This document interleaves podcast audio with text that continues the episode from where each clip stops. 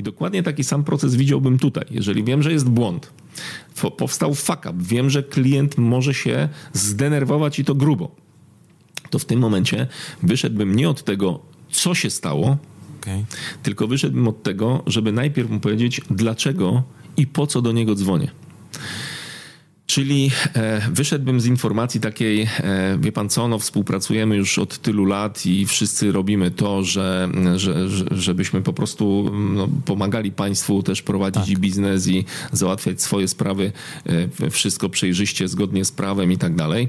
No i też zależy nam zawsze, żeby ta współpraca się układała tutaj doskonale, żebyśmy byli partnerami w tego typu pracy.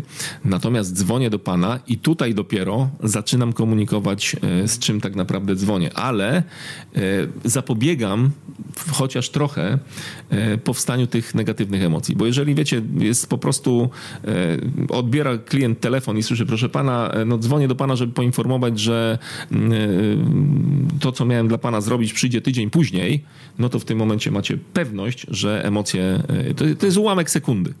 I od razu jest eskalacja, i wtedy trzeba ogarniać nie tyle problem, co emocje.